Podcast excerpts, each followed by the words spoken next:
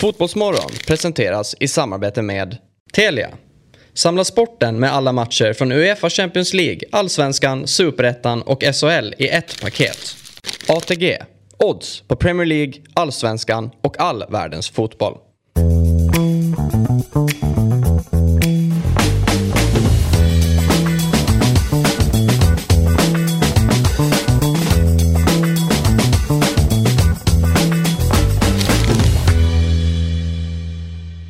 Morgon och hjärtligt välkomna till eh, en ny morgon här med oss på Fotbollsmorgon. Eh, det är idag den 28 oktober och eh, jag sitter här tillsammans med Samuel Lidsholm och Fabian Ahlstrand. Fabbe, du var med igår. Mm. Och du är Inte tillbaka jag ville men nu är jag tillbaka. Du blev tvingad? ja. Okej, och idag sitter du här tvingad igen. Ja. du, du bestämmer inte över din egen tid. Nej, tydligen inte. Men jag tycker att det är kul att du är här. Ja, men jag tycker är någorlunda. Ja, det finns någonting.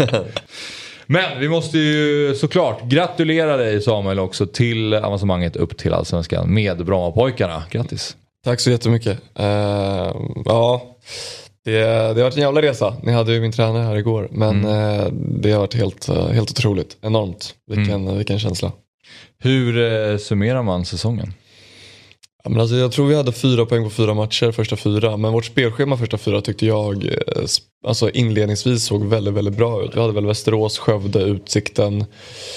Kan det varit J Södra hemma eller något sånt. Och då tänkte jag så här, fan kan vi ta liksom 10 poäng på de här fyra? Ja. Då är vi med. För att flyger du i början, jag såg Värnamo förra året, de flög lite i början och så här. Så då är du ju med i den här serien. Det är så jäkla tajt. Alla lag är mer eller mindre lika bra. Så en, en flygande start och du är med liksom. Men fyra poäng på fyra år, så här, fan.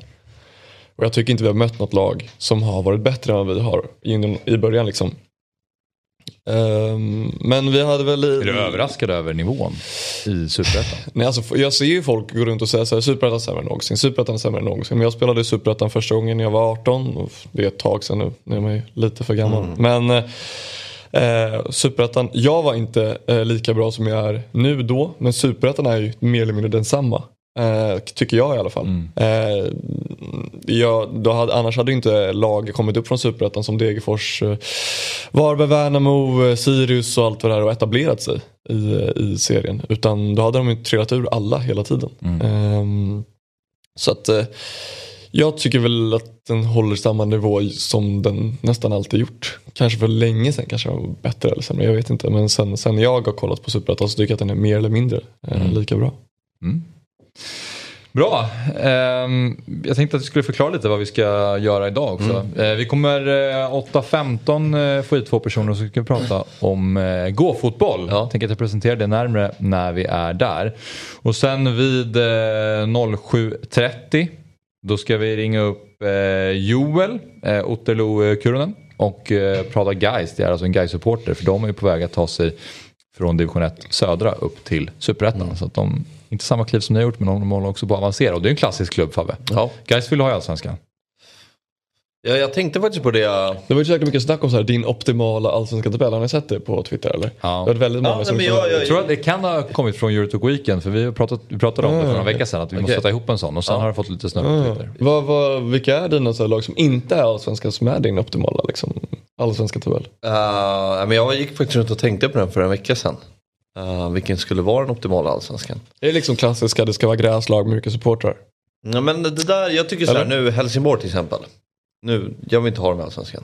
Alltså nu har de åkt ut tre gånger på sex år. Du har fått nog nu. Ja men då är det lite här, Trots men, men då, historien. då, hör, ja, men då hör ni inte hemma där. Alltså nu, sorry, men ni har varit här nu. Uh, min Jag Landskrona till exempel är kul att få upp. Sen tycker jag att det är lite viktigt med det geografiska. Att, så här, att inte varje gång du åker på en bortamatch passerar A6. Att du kanske åker uppåt. Nå, alltså Sundsvall tycker jag ska vara allsvenskan till exempel. Okay. Uh, Gävle. Alltså för att få spridning i landet. Gävle, ja, Gävle ja, som du också gått upp eh, med ganska klart i division 1 Ja, ja, ja, så de är på gång. Superettan. Eh, Så de ska också spela Superettan nästa år ja. Ja, och sen så här, det är inte så att jag tycker Gais och Örgryte ska båda upp. För det är ju samma arena liksom. Det är inte så kul. Vilka tar du helst då? Ja men Gais. Du tar Gais? Ja. Mm. Och motivering? Nej men det känns som att Örgryte liksom, det, jag vet inte. Vad är, vad är det ens? Alltså, nu, nu, nej men alltså jag menar det är en, klassisk klubb. Och mycket liksom historia. Ja. Men jag menar de senaste, liksom, sen de åkte ut 09 va. Så liksom, det är ingenting som... Liksom, Och de är på väg åt andra hållet. Så de... De har- eh, Vi möter Örgryte sista matchen eh, och den kan ju bli väldigt betydande för deras del om de ska kvala eller inte kvala eller hur det nu ska bli. Det är ju väldigt tajt nere i eh, kvalregionerna liksom. Vänta, vilka, vilka möter du? Örgryte möter vi sista matchen på Grimsta. Ja, ni möter Vi möter sorry. Ja, precis. okej, ja. Och det är ju förmodligen direkt avgörande om de ska kvala, stanna kvar eller ja, i värsta fall för deras del och kanske Ja. direkt åka ut. Ja, just det.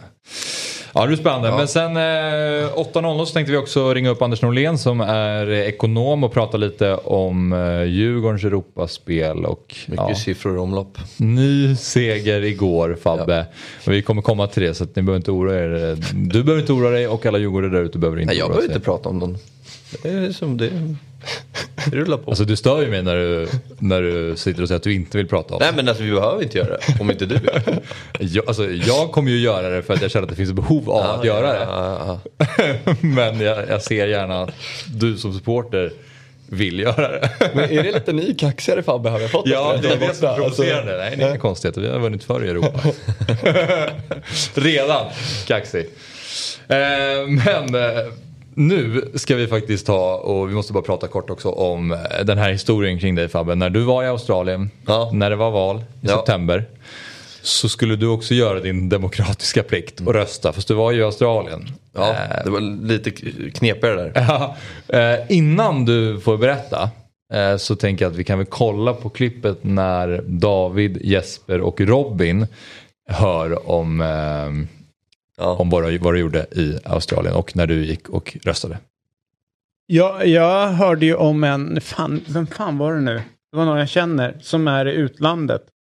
Som liksom går de extra milen för att gå och rösta. Mm. Ja, det var ju Vänta. Ahlstrand Fabian? Ja, Ja. och går och röstar blankt. Han tog sig en timme till... Uh, Oj, jävlar vad inspirerande. Det var så- och körde blankt. Ja. Det är, jag tycker i och för sig att det har någonting, Ja, men... eh, men det är så jävla härligt. Ja. Alltså så här, jag, jag kan inte rösta på någon av de här jävla idioterna, men jag ska fan rösta blankt alltså. visa nu. Armbågar sig fram. Rätta på er! Det jag ska fan lägga min röst alltså. Ja, det är Ja, vem blev du på? Blankt. Det är blankt. De har byggt upp ett valbås för bara honom. Ja, så var du tvungen. Ja. Hur många har vi i den här delen av Australien som ska rösta? Det är en. Ja, det-. Ja. Måste det vara bås? Jajamensan. Ni måste gömma alla. Det måste vara tusen valsedlar av varje. Ja. Det måste vara så att det inte Och de ska syns gömmas. Ja. Och vi får, ni får inte se hur Fabian tar sina äh, lappar. Vilka kostnader ändå. Exakt. Och så traskar han in och lägger en blanka. Det är så bra så det finns inte. Vilken idiot alltså.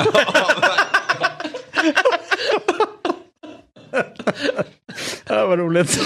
Ja, det där var roligt. Ja, det är jätteroligt faktiskt. Du åkte iväg eh, en, en bit. S- Söndag. Ja. Eh, och eh, ja, det- var ju valet på torsdag. Så först och främst så vet jag inte om den där rösten hann. För jag vet att min morsa var och hälsade på no, alltså, några veckor tidigare och, och postade ett brev. Till en kompis. Det har inte kommit fram. Sen valde jag att göra det här expressbrevet så det går ju lite fortare. Liksom, det måste komma fram, det är viktigt. Viktigt att din blanka röst kommer in. Ja men det är ju en röst. Jag pratade med Otto sitter här tidigare och han bara, men då kan du lika gärna, då, då behöver du inte ens rösta. Jag bara, jo. Jo, det alltså, står det- ju in, det är ju statistiken står det ju. Ja, jag hade den här diskussionen med min flickvän då. Att, eh, jag sa såhär, jag, jag vet inte vad jag ska språk. Jag, pallar, jag vet inte om jag pallar rösta. Och hon sa, det är klart du måste rösta. Du Ja, får det är rösta blankt. måste göra det. Och då var jag ja. helt Ja, klart. alltså, du, gjorde det också? Du, Vad sa du? Du gjorde också. Nej, jag röstade inte blankt. du har gjort din demokratiska plikt. Ja. Så är det ju. Sen så om den inte hann fram så påverkar inte valets utgång Nej, det, särskilt mycket. det, men det är ju inte så mitt det behöver du inte oroa Nej, dig det är inte mitt. Jag kanske borde tänkt på det lite tidigare. Men det var så här öppet tider, man kunde bara rösta vissa tider och då kunde inte jag. Så det var den gången jag hann. Nej men, eh, så jag åkte dit en söndag och, och, och, och röstade. Och det var ju det var ganska långt. Det tog ju liksom totalt en, ja, två timmar dit. Jaha. Dubbelbyten och tågbyten, spårvagn och allt vad det var. Så kom jag dit och det var inte riktigt som de sa att det här med alla valsedlar. Att de har liksom uppbyggt för att det är så här, ja, men tusentals valsedlar Nej. som man inte ser vad Förstör man tar. du en bra historia nu alltså? Ja, men, nej, nej, men det, det, det var ju som, det var en, jag fick en blank Är det lapp. Sveriges ambassad som man får be? Nej, jag, jag gjorde det i Svenska kyrkan. Okej. Eh, de har en sån i, i, i Melbourne. eh, där man kan ja, gå dit och träffa lite svenskar. Prata med prästen. Toppjobb eller att jobba som präst i Svenska kyrkan i Australien eller? Det var ju inte supermycket folk där. Äta, en kanelbulle. Alltså, så, alltså lite av det, det goda Sverige. Det låter ju, låter Ja, det var inte, trevligt låter inte faktiskt. dumt. Ja, jag, när jag var där så ångrade jag faktiskt att jag inte var där fler gånger. Innan. Eh, och eh, ja, men så fick jag, det var en blank lapp. Och ska skriva, och, och typ jag fick ju en penna. Så jag skriver ju bara blankt. Utrop, utropstecken. För att vara tydlig. Men om jag, jag tänkte så här, om jag lämnar den här bara. Då kanske de bara så här, men vad är det här? Det här kommer inte vara någonting. Så jag skriver blankt. Men du har glömt att rösta Fabbe. Ja, men, De, så, då, då vore det sjukt om de skulle ta upp lappen och kolla, men fortsätt. och den bara är tom. ja men överhuvudtaget om de tar upp lappen för att kolla vad du röstar på. Ja, men det är klart de måste göra det. alltså, du lägger väl i den i ett kuvert och Ja, så ja, hanterar ja. de kuvertet. Men de kommer väl inte dra upp lappen som du har skrivit på. Det är ju... Jo men den är ju, den är ju blank så de måste göra det tror jag.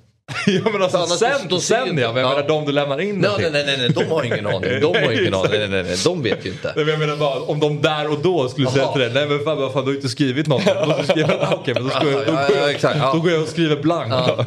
Och då tänkte jag så här, vad, då kan man ju skriva, man kan ju skriva på flera olika sätt. Blank, det kan man ju skriva på, liksom, vad hade man kunnat skriva? Ja, allt möjligt Ja. som inte är ett röstparti. Ja. Eller ja. Men det är ändå otroligt att du, att du plockar en blank röst och skriver också blank. Men det är bättre att vara tydlig tänkte jag. Ja, vi ska faktiskt gå vidare Ja. eh, från eh, din röstning, pros, eh, röstningsprocedur. Och säga att eh, Myggan, vår eh, spelexpert i Fotbollsmorgon, hans spel satt igår. Är det första va? Ja det måste vara förstå. Ja, men han har, det har, eh, alltså du menar att det är första spelet som Myggan sätter? Ja. Nej, han har satt spel förr. Men eh, Nej, men, men David sa att han aldrig suttit ett spel tror jag. Alltså i eh, Fotbollsmorgons sammanhang. jo då, jag har varit med någon gång när vi har presenterat ett spel som Myggan har satt. Men det är inte ofta Okej, ja, ja. tror jag. Ja. Ja, jag, jag fick ju, det var faktiskt, det var, det var nog det roligaste i, igår med att vara med. Att få se Myggan. Ja, Myggan live. Alltså live. Det Ja. var... ja, men det är stort. Ja det var stort. Och just att han är här i fem minuter och går ut genom dörren och drar direkt. Ja. Han stannar inte utan han liksom drar direkt. Ja, han är här i fem minuter, ja. levererar ett uset speltips och sen drar. Och igår var det ju uppenbart Ja, bra nej, men igår var det speltips. bra. Igår Igår var bra. bra. Det var- Båda lagen skulle göra mål eh, mellan Helsingfors och eh, Roma. Så blev det ju. Och sen eh, i Malmös match så skulle Union göra över ett halvt mål och de vann matchen med 2-0. Och sen skulle det vara så att eh, båda lagen skulle göra mål i Molde-Djurgården och det skulle bli över 2,5 mål i matchen. Och där hade han ju helt rätt i sin analys uppenbarligen. Så att, eh, bra gjort av Ja, det är imponerande. Ja, verkligen. Imponerande. Nu är han uppenbarligen i form. Och eh, vi är ju där nu då, så låt oss prata lite om matchen igår. Djurgården är ju, den här säsongen är ju helt ofattbar såklart. Det har ju pratats om för men den här, de här vändningarna som de gör, Ja, ja. både mot Malmö, mot Molde. I halvtid så känns det som att det finns inte chans för Djurgården att vända det här. Molde är helt överlägsna och Malmö Första halvlek var ju också så här, ja, men de, de promenerade fram och gjorde två ganska enkla mål. Det kändes som att Djurgården inte hade någon energi kvar. Och sen inte bara lyckas de reducera, kvittera, utan de vinner matchen. Ja, nej men alltså. Matcherna påminner ju lite om varandra, Malmö-matchen. Att det är ju helt vidöppet i Djurgårdens försvar. Alltså, vad håller backlinjen på med? Eh, det kunde ju stått 3-4-0. Mm. Eh, och sen var ju Molde riktigt, riktigt bra. Alltså det, var, det var faktiskt imponerande att se vilket, vilket tempo de höll. Och sen vet jag inte riktigt vad som händer. Man får ju en reducering och sen höjer man sig och så är man ju riktigt effektiva. Alltså man har väl tre skott, tre mål. Tre mål. Molde har 17 skott. Det är helt sjukt. Och, och det har ju liksom genomsyrat Djurgården tycker jag egentligen i de här matcherna under hösten att Djurgården tycker inte jag har varit speciellt bra efter man tog sig till Conference League. Rent spelmässigt. Det är inte många matcher man kan räkna som har varit spelmässigt bra insatser. Uh, varken i Allsvenskan eller Conference League. Det är klart att skämt hemma 4-0. Ja men det är väl klart att Det var bra. det är en bra insats men det är ju också Framförallt var ju Wikheim också helt brutal. Ja, men det, är, det är också en sanslös eff, eh, alltså effektivitet man har i den matchen. Eh, sen tycker jag skämt borta är ju, den är ju den är fantastisk. Det är ju den bästa insatsen eh, sen Djurgården tog sig till gruppspel. 1-0 Ja, ja, ja, ja, nickar in den. Ja, nej, men precis. Nej, ja, Jo, det det var det. Jo, det var Den på det. hörnan. Jo, det, var det. ju. Eh, men det är ju alltså, det är ju helt fantastiskt. Att gå från, alltså det är ett kryss mot Shamrock, sen är det ju fyra raka. Det är alltså mot två bra lag också. Så nej, det är Jag menar, eh, att kunna vinna fotbollsmatcher, det är väl en styrka i sig? Ja, jo, så- jo, men så är det ju, absolut. Det, det, det, är, ta, Ja. det är väl en, så ett storlag ska bete sig. Ja, som ja, ja, på men sen är det kanske inte riktigt på storlagssättet man gör det med tanke på att det är så vid, alltså det är så öppet i första halvlek och man är så utspelad i första halvlek. Ja, men jag menar, även när man upplever att man inte är bra så vinner man matchen. Jo, jo jag menar men då brukar man ju liksom kanske vinna med 1-0. Ja. Nu är det ju så här, vad är det som, alltså, vad är det som händer Ja, det är i lite försvaret? Hawaii, ja. Men en, en, vi, vi pratade ju, eller det har väl varit en diskussion väldigt länge om typ hur Norge börjar springa om eh, allsvenska, eller elitserien börjar springa om allsvenskan. Vi ska, ska inte snacka om Danmark för de är på en annan nivå. Men, men eh, eh, Molde som i överlägsen stil leder väl norska ligan. De, de har väl vunnit den för x antal omgångar sedan tror jag. Men, eh, och de slog väl ut Elfsborg eh, ganska kraftigt i, i kvalet i Conference League eh, i somras. Och då var jag ju snackat så här, shit ska det vara så här stor skillnad mellan eh, Sverige och Norge? Men nu ser vi ju ändå eh, norska ligaettan mot eh, svenska liga 2. Det blir 3-2 men över två matcher så vinner man två eh, av dem i svensk fotboll. Så att jag tycker också i och med Bodø Glimts framfart kanske man också inte ska övervärdera liksom, elitserien mot allsvenskan. Jag tror att det är mycket jämnare än vad man utåt sett kan se även fast de liksom vann mot Roma hemma och nu liksom Molde och sådär. Så eh, ja precis, jag får vi upp tabellen. ja, det, det, Att det är väl 15 poäng de leder med om jag inte räknar fel. Och det känns som att det brukar vara så i Norge att det är ett lag som alltid springer iväg. Ja, och Bodø har gjort det och de senaste matcherna. Men, men med det sagt också så tror jag att det är extremt jämnt mellan liksom norska och, och svenska ligan. Eh, Jag tror inte det är så som folk vill få det till att till och med Norge springer om oss. Bara för att Norges landslag nu också har en väldigt fin kull så tror jag att det är extremt jämnt. Däremot Eh, har de ju en kurva som är så. Så att om Absolut. några år kan det ju vara så att... Så kan det mycket väl jag vara. menar, vi ser, alltså, nu är Djurgården bra men det är Malmö och Gnaget och det finns Mm. ju andra lag som inte går särskilt bra. Nej, Nej, och där, men å andra sidan där finns ju liksom väldigt mycket, vad ska man säga, potential att liksom eh, när det väl klaffar där så kommer det ju liksom synas också. Så för svensk liksom, vad säger man, kraft i Europa då, så vill man ju att alla de här lagen ska liksom uppnå sin fulla potential så att vi liksom kan höja statusen på ligan. Eh, men det, är, det blev en sån jäkla debatt när vi förlorade mot Norge eh, i, i landskampen. Eh, och nu med lite distans, när man inte pratar om det så jäkla länge så tycker jag att det är liksom det är, det är jämnare än vad man tror. Eh, utöver att de har Ödegaard och Haaland som är brutala. Mm. Ehm, Men det är, fanta- alltså, det är fantastiskt. liksom. Det är ju det är så mycket folk. Alltså, jag menar, jag är ju uppväxt med den generationen som har liksom upplevt mycket. Den tuffa del, alltså tuff, tuff period. Eh, med bottenstrid och Mm. liksom, 5-6 tusen på stadion. Och, och nu får det här. Liksom. Det är ju det är fantastiskt. Så man Mm. unnar ju verkligen de som åker runt och följer klubben. Och liksom, Och ni är eh, tillsammans med Villarreal och West Ham de enda som är obesegrade i Conference League. Eh, Vilket också är sjukt att klumpa ihop eh, Djurgården med de två lagen. Men så är det just nu. Och ni, I och med att ni vinner gruppen så hoppar ni också över ett steg. Ni slipper spela 16-delsfinal är det väl så att ni går direkt till åttondelsfinal. Vilket ju såklart också ja, ja, herregud ja. superviktigt. Ja, Vi kommer ja. att prata ekonomi sen men eh, vad är det man får för gruppsegern i konferensen? Är det 6 miljoner eller läste jag fel där? Var, jag tror den här segern igår innebar 12 miljoner läste jag någonstans. Vi kollar med Anders sen Ja, i, ja. i Dotta och, och hör exakt vad det här innebär för Djurgården. Nu ska vi eh, prata med eh, Anders Norlén och eh, vi frågade lite tidigare Anders vilken titel som du vill presentera som och eh, fotbollsekonombloggare har vi landat i. Alltså, precis. Ehm, det är väl, det summerar väl alltihopa ganska bra. ja. ja men då, då, då är det det helt enkelt. Fotbollsekonombloggare och eh, framförallt väldigt ja, kunnig inom, inom ekonomi och väldigt intresserad av fotbollsekonomi. Och eh, igår så twittrade du ut efter eh, Djurgårdens vändning att det innebar 12 miljoner kronor in på kontot eh, och du har även skrivit eh, en tråd i dagarna om hur mycket eh, Stålman har tjänat på Europaspelet under hösten. Ehm, kan du berätta lite mer om den här tråden och liksom på något sätt, jag vet inte om man kan göra det, men förklara lite kortfattat för oss hur mycket pengar Djurgården faktiskt har dragit in på Europaspelet. Alltså, det börjar bli en del. Ehm, så att eh, man kan ju säga så här att det är totalt ungefär 7 miljoner euro i prispengar. Så det är väl nästan 80 miljoner spänn. Eh, och så har man i tillägg till det fått en del från de matcher man har arrangerat och uh, någonting som kallas för marknadspoolen. Så att totalt netto på sista raden så tror jag man har klockat in ungefär ja, någonstans runt 80-85 miljoner spänn Mm. To date. Ja. Vad känner du som AIK det här? När du... Nej, det är ju väldigt mycket pengar. det är väldigt mycket pengar. Det är väldigt mycket pengar. Eh, Det är väl liksom när AIK sålde Alexander Isak så var väl du uppe och touchade kring, eh, var det inte 85 miljoner Jo. någonstans där? Så det, det är väl motsvarande. Eh, Och, det är väl det man pratar om Anders, att de, de största, eller viktigaste och lättaste sättet att tjäna pengar på som liksom, fotbollsklubb i Sverige är att ta sig ut i Europa eller sälja spelare. Jag sa så här att, att liksom rörelseintäkterna för en fotbollsklubb i Sverige, alltså sälja biljetter och sponsorpaket och tv och sånt, det täcker ju inte kostnaderna man har varje år. Eh, utan man måste ju förädla spelare och liksom sälja dem vidare. Och eller försöka köra någon Europakampanj likt det Djurgården har gjort i år. För att Mm. liksom det verkligen ska, ska liksom rasta till.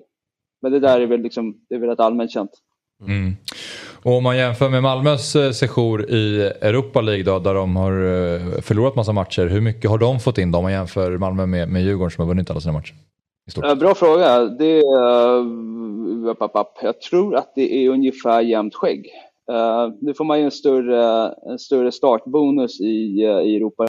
Räknas-potten är större, men liksom Malmö har inte tagit några poäng. Så Nej. bara de poängen Djurgården har spelat in i år har ju gett dem ungefär eh, nästan 25 miljoner kronor. Och då har man en match kvar mot uh, Shamrock där man kan dra in ytterligare ungefär 5,5 miljoner spänn om man lyckas brotta ner dem på Tele2. Mm. Om man ser ur ett större perspektiv då och, och jämför med, var det 2020 Djurgården gjorde ett väldigt starkt ekonomiskt år. Hur ser det ut där om man jämför med... Alltså 2022 kommer bli Djurgårdens absolut bästa år finansiellt någonsin utan jämförelse. Mm. Um, man har ju uh, i tillägg till uh, de här ungefär 80 nettomiljoner man dragit in på Europa-äventyret så har man ju dessutom sålt Edward Chilufya till Midtjylland i vintras och man har sålt Isak Hien till, uh, till Verona. Um, och vad nettot blir av de affärerna det kan vi bara spekulera i men kanske runt 50. Mm. Uh, plus att man har haft ett kanonår publikmässigt. Uh, man kommer förmodligen inte göra så dåligt på sponsorsidan. Man kommer få rätt bra payat på tv-avtal och sånt där. Så att, alltså, jag tror att på sista raden så kommer man ha det utan jämförelse bästa året man någonsin haft. Mm. Och eh, i och med segern igår så tog sig Djurgården till åttondelsfinal. Vad innebär det ekonomiskt? Um, så det enda skillnaden är att när man blir gruppsegrare i Europa League så får man ungefär 600 000 euro mer än om man hade kommit två. Um, så att um, det, är, det är skillnaden. Uh, så det är liksom upp, uppsidan igår jämfört med att, att man var ju redan garanterad att spela vidare efter nyår. Men uh, nu vet man att man kommer att vara gruppsegrare och det innebär att man kan casha in ungefär 1,2 miljoner euro totalt på det.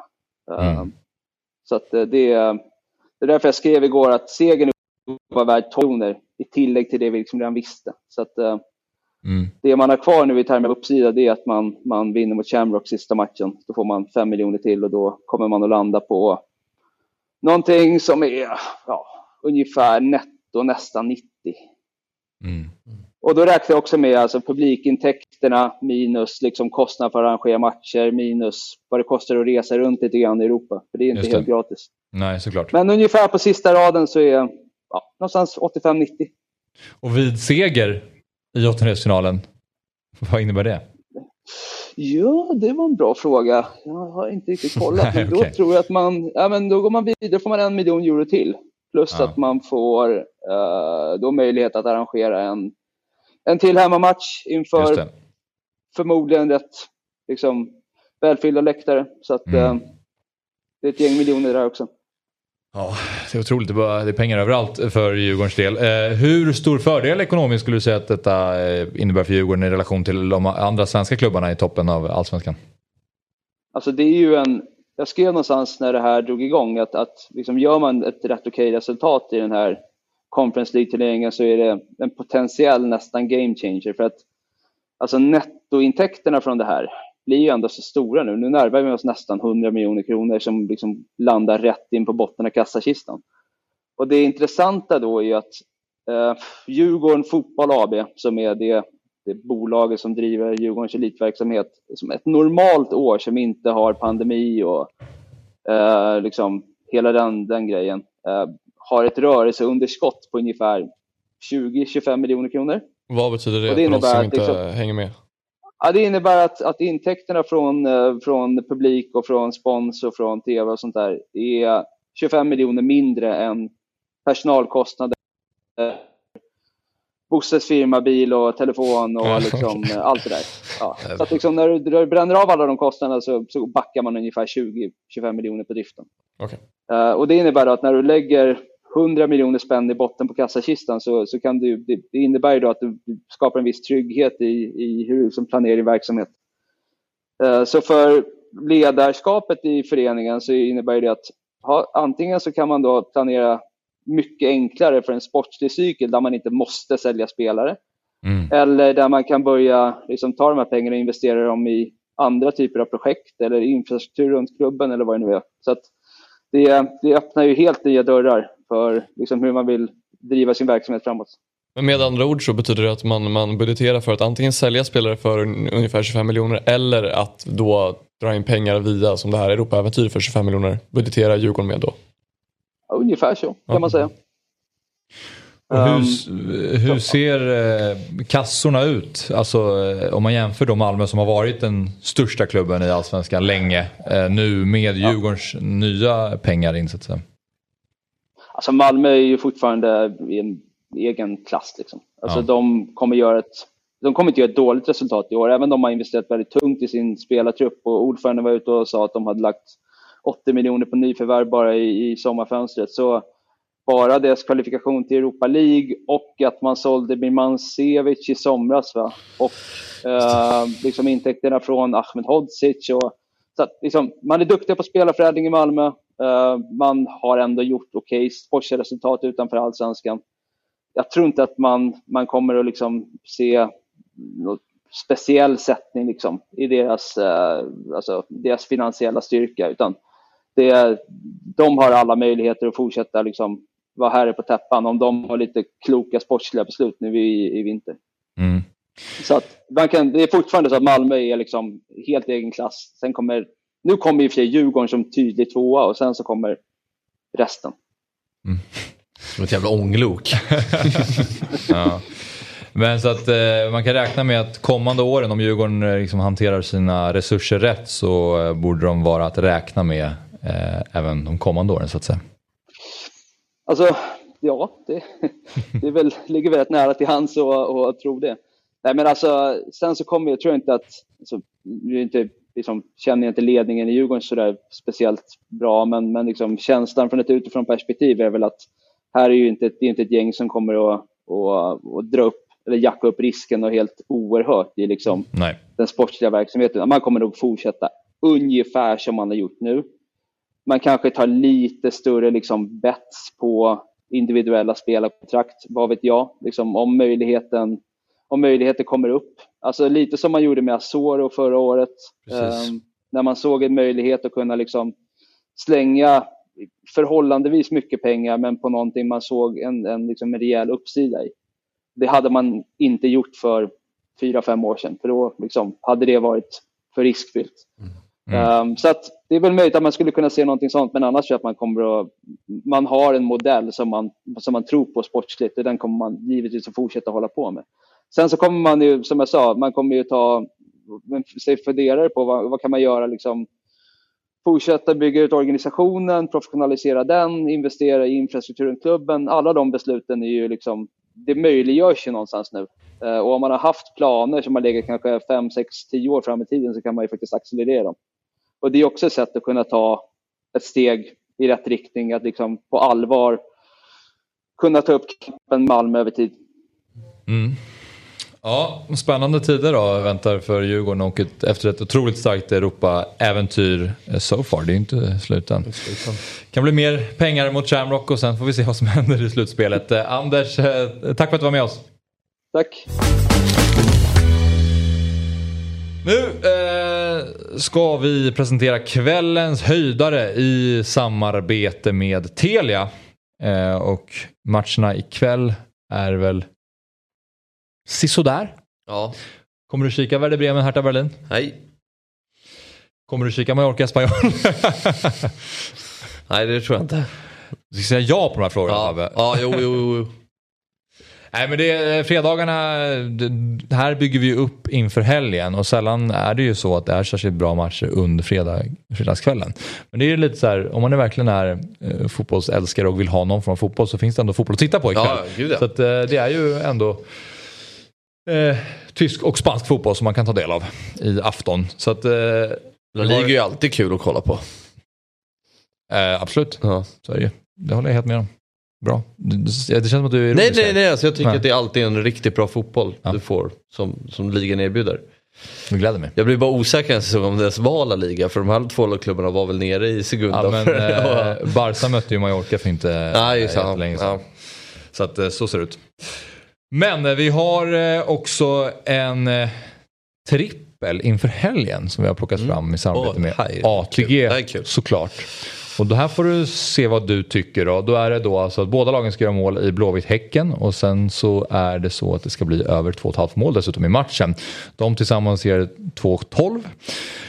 Och sen har vi att eh, det ska bli att, att ehm, Bayern ska göra över 2,5 Mm. mål mot Kalmar. 2,85 där och sen så ska både Mjällby och AIK göra mål i första halvlek. Okej. Eh, 5.20 och det här är då motiveringen från redaktionen, från spelredaktionen.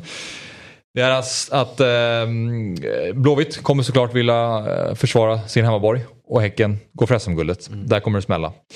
Och sen har vi eh, ett Mjällby som är på gång, släpp handbromsen. Och eh, därför så är det så att det skulle kunna ringa åt båda hållen för att jag- jagar fortfarande Europaplatsen. Och sen så ryggar vi Niklas Niemi som är vårt eh, fotbollsmorakel kan man väl säga. Det är Myggan och Niemi som vi litar på. Niemi är vass på att sätta resultat. Och eh, Bayern gör minst tre mål mot Kalmar. Totala oddset ligger på 31-42 då. Ja. Härlig kup kupong. Ehm, det är ju liksom, man kan ju finna ett spelvärde i att båda lagen gör mål i Mjällby AIK men det som talar emot är väl att Mjällby har varit väldigt målsnåla under, under året. Mm. AIK har väl haft lite problem med offensiven de senaste matcherna. Nej, den Men är, det är ju- ju- och det är det- också det- därför det- oddset ligger på 5,20 Det är det jag menar, det är därför det är högt. Så jag tycker Hammarby-Kalmar tror jag absolut kan sitta. Jag tror Bayern kommer vinna den där. Eh, De måste ta den där Europaplatsen. Ehm, Och eh, ja, båda lagen i mål Göteborg, BK Häcken. Ja. Häcken kommer ju vinna det där, men frågan är med hur många mål. Så där, du, du, du gillar den ändå lite grann men du är mest skeptisk där det kommer till Mjällbylaget eller? Ja, men det är ju, oddset är ju Ja. där till också. Ja. Så. Nej, men det är väl bra kupong, kul. Tror du att Bayern kommer gå ut och köra på Tele2? Ja, men det, det tror jag. Men alltså, köra, det är ju... Det kommer de ju inte att göra men riktigt. frågan är snarare kanske hur bra kommer Kalmar kunna stå upp? Ja, ja, men Bayern det är väl lite mer, det är inte, det är inte Billborn-köra längre. Nej. Utan det är ju mer kontroll liksom i år. Tiki-taka-köra? Ja, ja, ja. Med liksom, ja, bättre defensiv och bra på fasta och lite Ja. mer kontroll över matcherna. Kanske inte lika det här fartfyllda Bayern. Liksom. Men de är ju riktigt bra, Hammarby. Så jag tror att den, den vinner de och jag tror att de kan göra en del mål också. Ja, det borde de väl rimligtvis eh, kunna göra tycker jag. Och sen så tror jag personligen på att båda lagen kommer göra mål i Blåvitt också. Mm. Så att ja, där har vi en eh, liten trippel inför helgen. Den tycker jag absolut att man ska rygga. Och sen så är, vi pratar inget eh, Big Nine idag i Fotbollsmorgon men vi kommer prata mer Big Nine imorgon när vi kör Euro Weekend som drar igång klockan nio som vanligt och vi kör fram till klockan 12. Då kommer vi prata om eh, Big Nine inför helgen. Och du, det är ju så att du måste vara 18 år för att spela med oss. Glöm inte bort det och om det är så att du har problem med spel då ska du söka dig till stödlinjen.se för att få hjälp med ditt beroende. Ja, eh, nu ska vi eh, lämna Conference League. Vi ska inte ens prata allsvenskan, vi ska prata division 1 södra. För där spelar Guys och eh, imorgon så har ju Guys chansen att säkra avancemang upp till eh, superettan.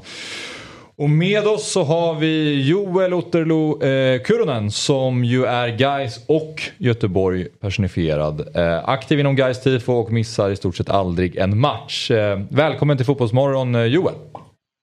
Tack så jättemycket. Eh, imorgon eh, lördag då, så möter ni ju Lunds BK.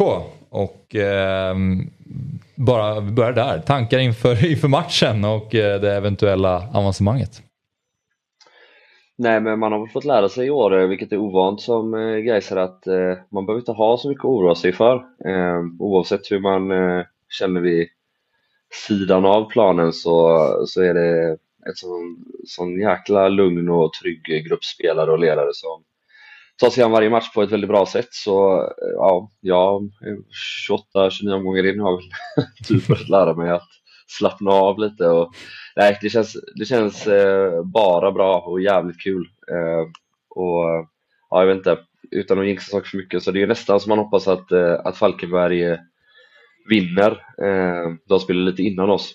Mm. Så att det inte är klart när vi kommer ner så att man verkligen får en riktigt avgörande match och inte ja, inte blir mästare i kavaj för man blir väl varken mästare eller har kavaj när man spelar i division 1. att, man inte, att man inte blir uppflyttad när man sitter i en buss. Typ, Uppflyttad i träningskläder. Ja, exakt. ja, jag förstår det. Men hur många är ni som ska bege er till, ehm, till Lund då? Eh, ja, vi är väl 12 klara bussar. Eh, sen är det, det verkar som att det är problem på, ja inte bussar men busschaufförer. Eh, annars har det nog blivit fler bussar men ja, jag vet inte. Det blir väl en bra bit över tusen geiser i alla fall. Eh, och det, jag vet inte, det är så dubbelt för mig. På ett sätt kan man ju tycka att ja, det är en styrka. Wow, kolla tusen idioter i division 1 som åker och kollar på det. Men jag tycker fan det är för lite. Det, ja, som, som Gaisare måste man ha mycket högre ambition än, än så. Det är precis som själv, alltså jag är svinglad att vi vinner division 1 och, och går upp i superettan, men det kan aldrig vara vår ambition att vara ett superettanlag eller att eh, ja, bara ha tusen personer på en bortamatch när det är någonting som ska avgöras. Utan, ja, det, det kommer bli skitkul och det är bra att vi är så många, men eh, vi, borde varit, vi borde vara fler. Finns det många liksom sovande guys supportrar där ute som du anser borde väckas till liv igen? Vet inte. Eh, alltså, det är ju, jag sitter ju här och propagerar för det själv också, men det är lite en myt att vi är ett publiklag.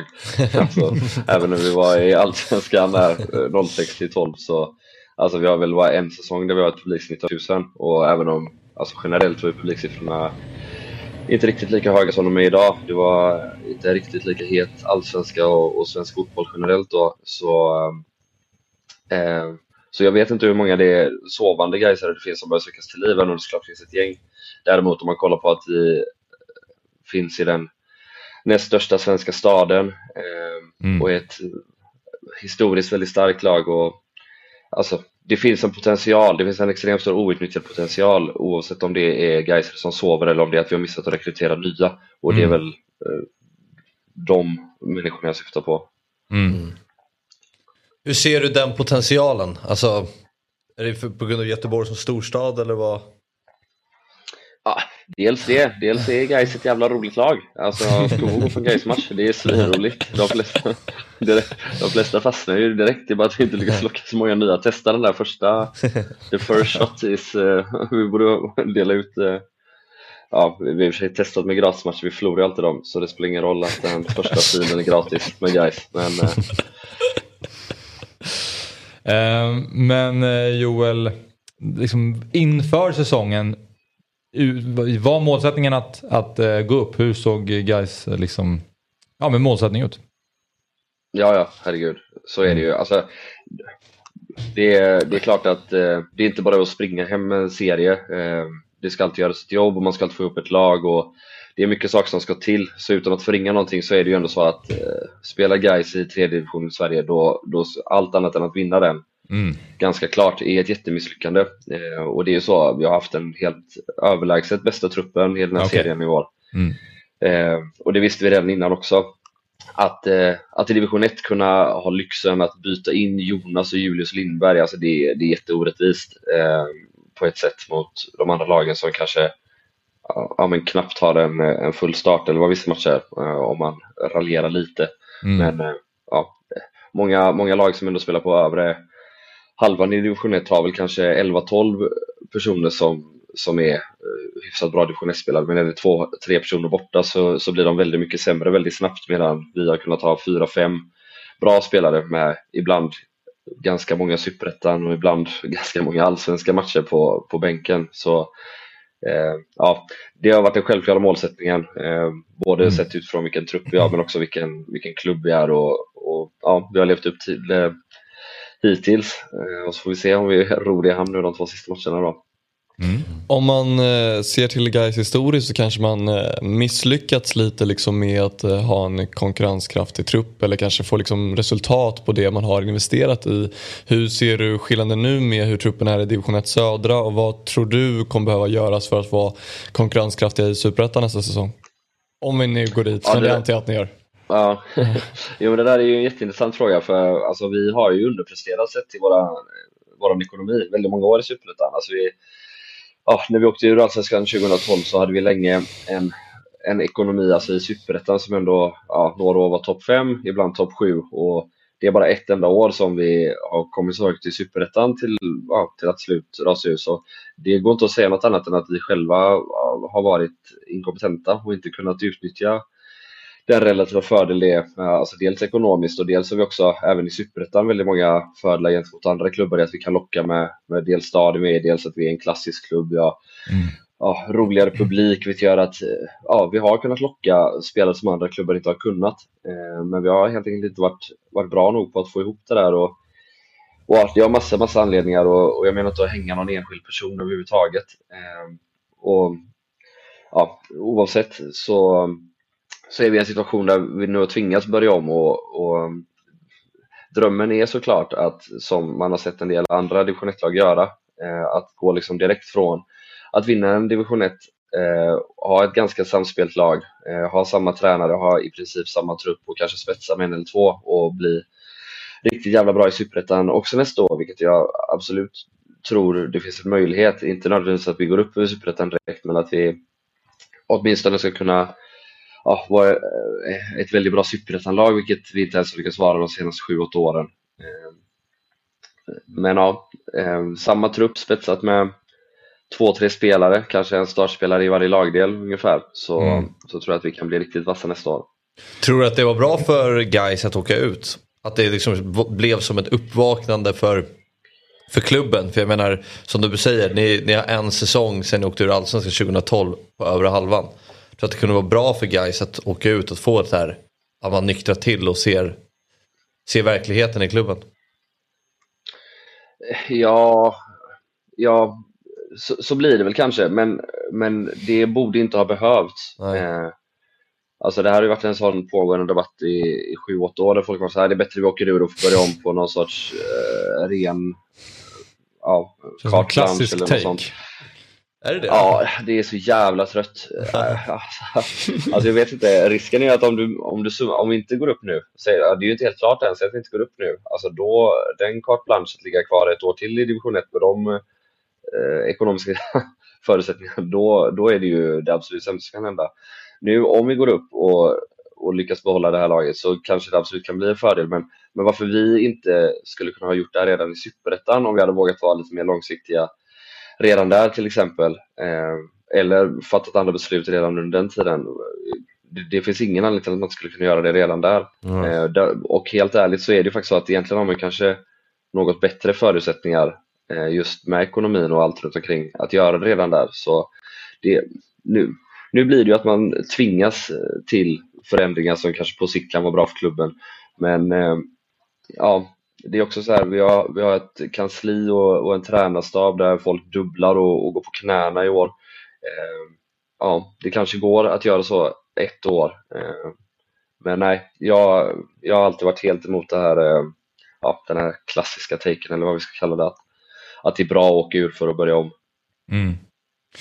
Och eh, hur tufft har det varit som supporter att, att åka ur och dessutom liksom inte ur Allsvenskan till Superettan utan dessutom till Division 1? Har det, det har aldrig varit någon gång att man känt att ens engagemang har börjat vackla?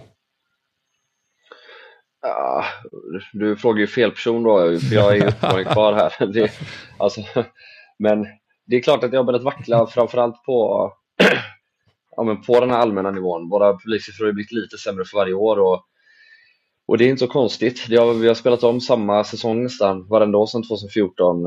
Ja, vi har en åttonde plats som bäst eh, sen dess liksom. Annars har vi löst det sista omgången och, och ja, Superettan med alla Södertäljelag eller AFC eller ah, det är inte så jävla roligt alltså när man dessutom då torskar eh, 3-0 många bortamatcher liksom. Det är klart att det tär på en. Ja. Eh, så ja, det, att, att få vinna matcher igen. Eh, att få Mm. lyssna på eh, samma låt mellan Jönköping och Göteborg senaste bussresan hela vägen hem. Den här Casey and the Sunshine, Give It Up. Helt fantastiskt.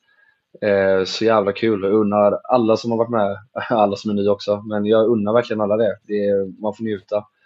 Sen är man hela tiden medveten om det är inte lika kul att vinna med 4-1 hemma mot Torn eh, som, som jag tror är ett bättre lag med lite anor och traditioner som man, där man vet vilka motståndarspelarna är.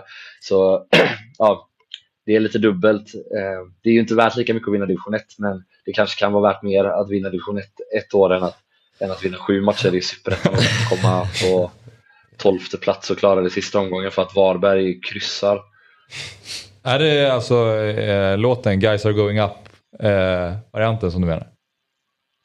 Ja, precis, precis. Men eh, ja, vi, ja, vi spelar ju originallåten. Ja, precis. Och, och sjunger till den. Ja, den, är, den är härlig. Harry som ju jobbar här på Dobb, han är ju Gaisare också.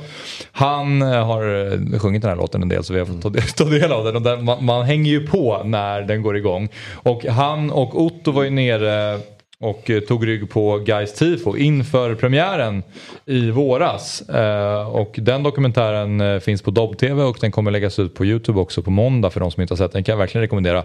Sista frågan då Joel innan vi ska släppa dig. Vid seger mot Lunds BK, hur ska ni fira? Vi ska spela Casey and the Sunshine, Sunshine Give It Up hela vägen eh, nonstop från Lund till Göteborg och sen fortsätta spela den ut i natten och inte sluta med det förrän, förrän vi eventuellt förlorar någon match i inledningen av Superettan nästa år. Då kanske vi kan ta en paus. Men tills dess så ska vi köra den nonstop. Ja, det låter faktiskt helt underbart. Eh, tack Joel för att vara med och eh, lycka till imorgon då mot Lund. Tack så mycket. Tack, hej. Ha det gött, hej.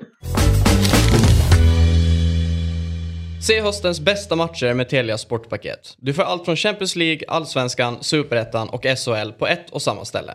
Telia Sportpaket ger dig all sport från Telia och Simor, inklusive Allsvenskan och Superettan från Discovery+.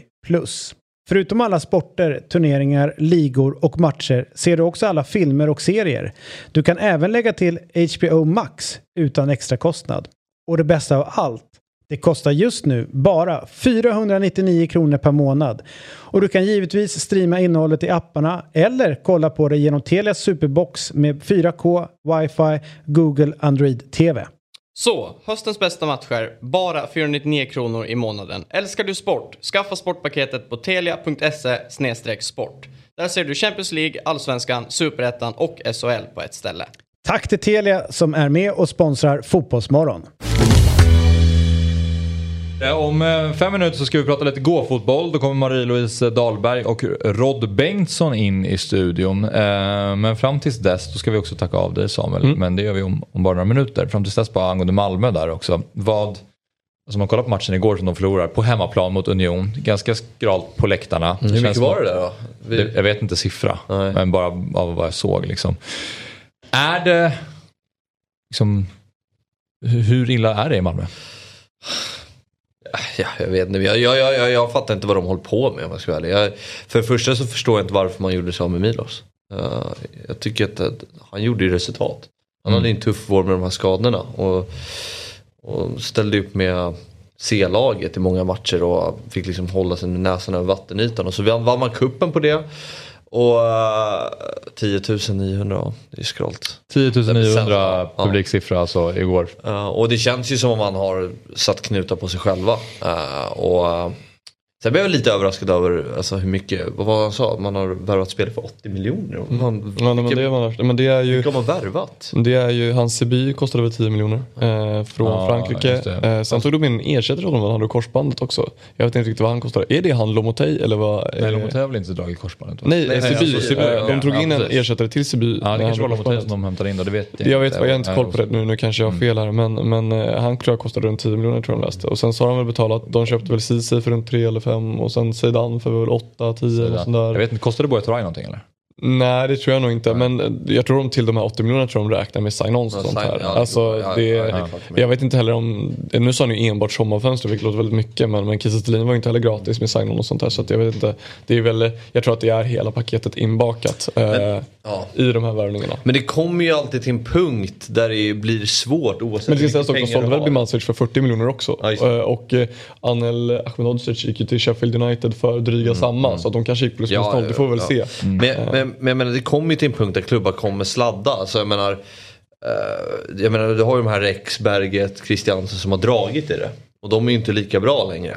Och de har ju liksom varit så stark Malmö förknippade och skapat liksom den här kulturen som man pratar om och vunnit titlar. Och sen när de är på samma nivå, men då måste du bygga nytt. Så det är ju inte konstigt att det kanske kommer den här, det här året liksom. Om man byter tränare. Och Man bytt sportchef också nyligen. Liksom. Alltså, de har ju ny sportchef från förra exakt. året. Man Eller vill i år till Ja, och och man har ju sagt att man ska lägga stor, stor fokus på liksom den egna akademin och slussa upp spelare underifrån. Att det är väldigt viktigt för Malmö. Och där är man ju fortfarande väldigt bra. Eh, så liksom, att det har gått så här dåligt det är, ju, det är ju märkligt. Men sen tycker jag ju kanske att så här, den här ombyggnationen man gör nu, generationsskifte eller vad man kallar det. Det kanske tar lite längre tid än vad folk eh, vill tro. Alltså, Det är inte bara att vara ihop ett lag och så ja, Malmö har mest pengar och ska gå och vinna SM-guld. Jag menar Häcken står ju där fortfarande och har tagit 60 poäng och potential att ta 66 poäng. Det brukar man ju vinna på. Jag menar, ehm, så äh, det ska bli intressant att se vad som händer i Malmö men de har ju fortfarande de här ekonomiska musklerna. Men i Malmö också, men i väldigt många svenska klubbar känns det som att de ska göra om så mycket. Jag vet att Jurilius pratar väl om att det skulle in några spelare där och ut några spelare. Pratar om Djurgården, det finns pengar och de behöver eh, förstärka och bredda truppen. Norrköping som haft ett år som de kanske inte tycker är helt eh, godkänt ska också säkert göra om en del. Så det, det kommer säkert bli ett, ett, eh, ganska stor ruljans på Det det svenska transferfönstret. från idag till när Allsvenskan drar igång 2023. Ja det tror jag verkligen på väldigt många klubbar tror jag det. Och lite silly news här och ingenting som är klart men Fotbollskanalen skriver att eh, AIK jagar Taha Ali. Eh, du har ju lirat med honom. V- hur tror du han skulle passa in i laget? Alltså, jag tycker att det är en fantastiskt bra fotbollsspelare. Sen så här, det är klart det finns väl lite utmaningar eh, att spela i AIK med allt vad det innebär. Ehm, och så här, han är väl klassisk gräs, eller konstgrässpelare kanske mer än grässpelare och sådär. Men han har kanske inte riktigt gjort så mycket poäng som man trodde den här säsongen. Han var ju så enastående bra i, i Helsingborg. Men jag tycker att det är en fantastisk fotbollsspelare. Och jag, ja, jag tror att det är en bra värvning. Ja, eh, jag ska- vi ska bara tacka av eh, Samuel då. Eh, tack för idag. Ja, tack snälla. Ja, och- Kul att se er igen. Och, ja, Dig var det länge sedan. och återigen grattis till Ja, Allsvenskan. tack snälla. Tack Men du snälla. väntar utanför? Vad sa du? Du väntar utanför? Du är Jag har inte tid med det. Grimsta. Det är det, Fabbe, det, är det bästa Kommer du. Det är kommer, bästa du Fabbe kan komma till Grimsta kan vi Ja, det kanske ska. Men eh, ja, nu ska vi se om vi kan Vi eh, få in eh, Marie-Louise och Rod in i studion. Men eh, så länge då Fabbe, eh, just angående Tauli, tror du att, tror att hans spelartyp är det som AIK behöver? Alltså det, det, det pratade vi lite med Jurelius igår om det här med, med att man inte har satt en tränare än. Och ska man vara en massa spelare att det är viktigt att man sätter den här tränaren först. Som, får sätta, som har sin idé hur man ska spela, spela fotboll. Eh, I år så tror jag att han kanske hade blivit lite, lite hämmad kanske av AIK-spel. Men Kan han spela som, är, han vänsterytter, kan han spela tia? ja, ja men det kan han göra. Det, det kan han definitivt göra. Ja, Absolut. All right. Hallå hallå! Välkomna! Nu kliver eh, Marie-Louise Dahlberg och Rod Bengtsson in i studion. Eh, Marie-Louise arbetar på Svenska Fotbollförbundet och är ansvarig för Gå-fotboll nationellt. Och så har vi Rod som eh, är ambassadör och spelare för Enskede IK. Och då pratar vi såklart också gåfotboll. Um, bara börja lite så här. Om vi börjar hos dig Rod, alltså, om sporten, för de som aldrig hört talas om det. Har du liksom lite kring bakgrunden och hur länge det har existerat och så vidare? Ja, um om vi ser ur ett internationellt perspektiv så kan man ju säga att den är ungefär 12, det är 12 år sedan engelsmännen började spela god fotboll. Okej, Och idag finns det väl över tusen klubbar så vitt jag vet i England. okej. Eh, I Europa så är ju de stora nationerna Italien, Spanien, Frankrike, Belgien, Nederländerna Och så även länder som Australien och Somalia Okej. eh, spelar gåfotboll. Eh, och eh, vi började i Enskede för fyra år sedan, drygt, fyra och ett halvt blir det nu, eh, i maj 2018. Och på södra sidan. På norra sidan började Viksjö en dag före oss, det gillar vi inte, men det gjorde de.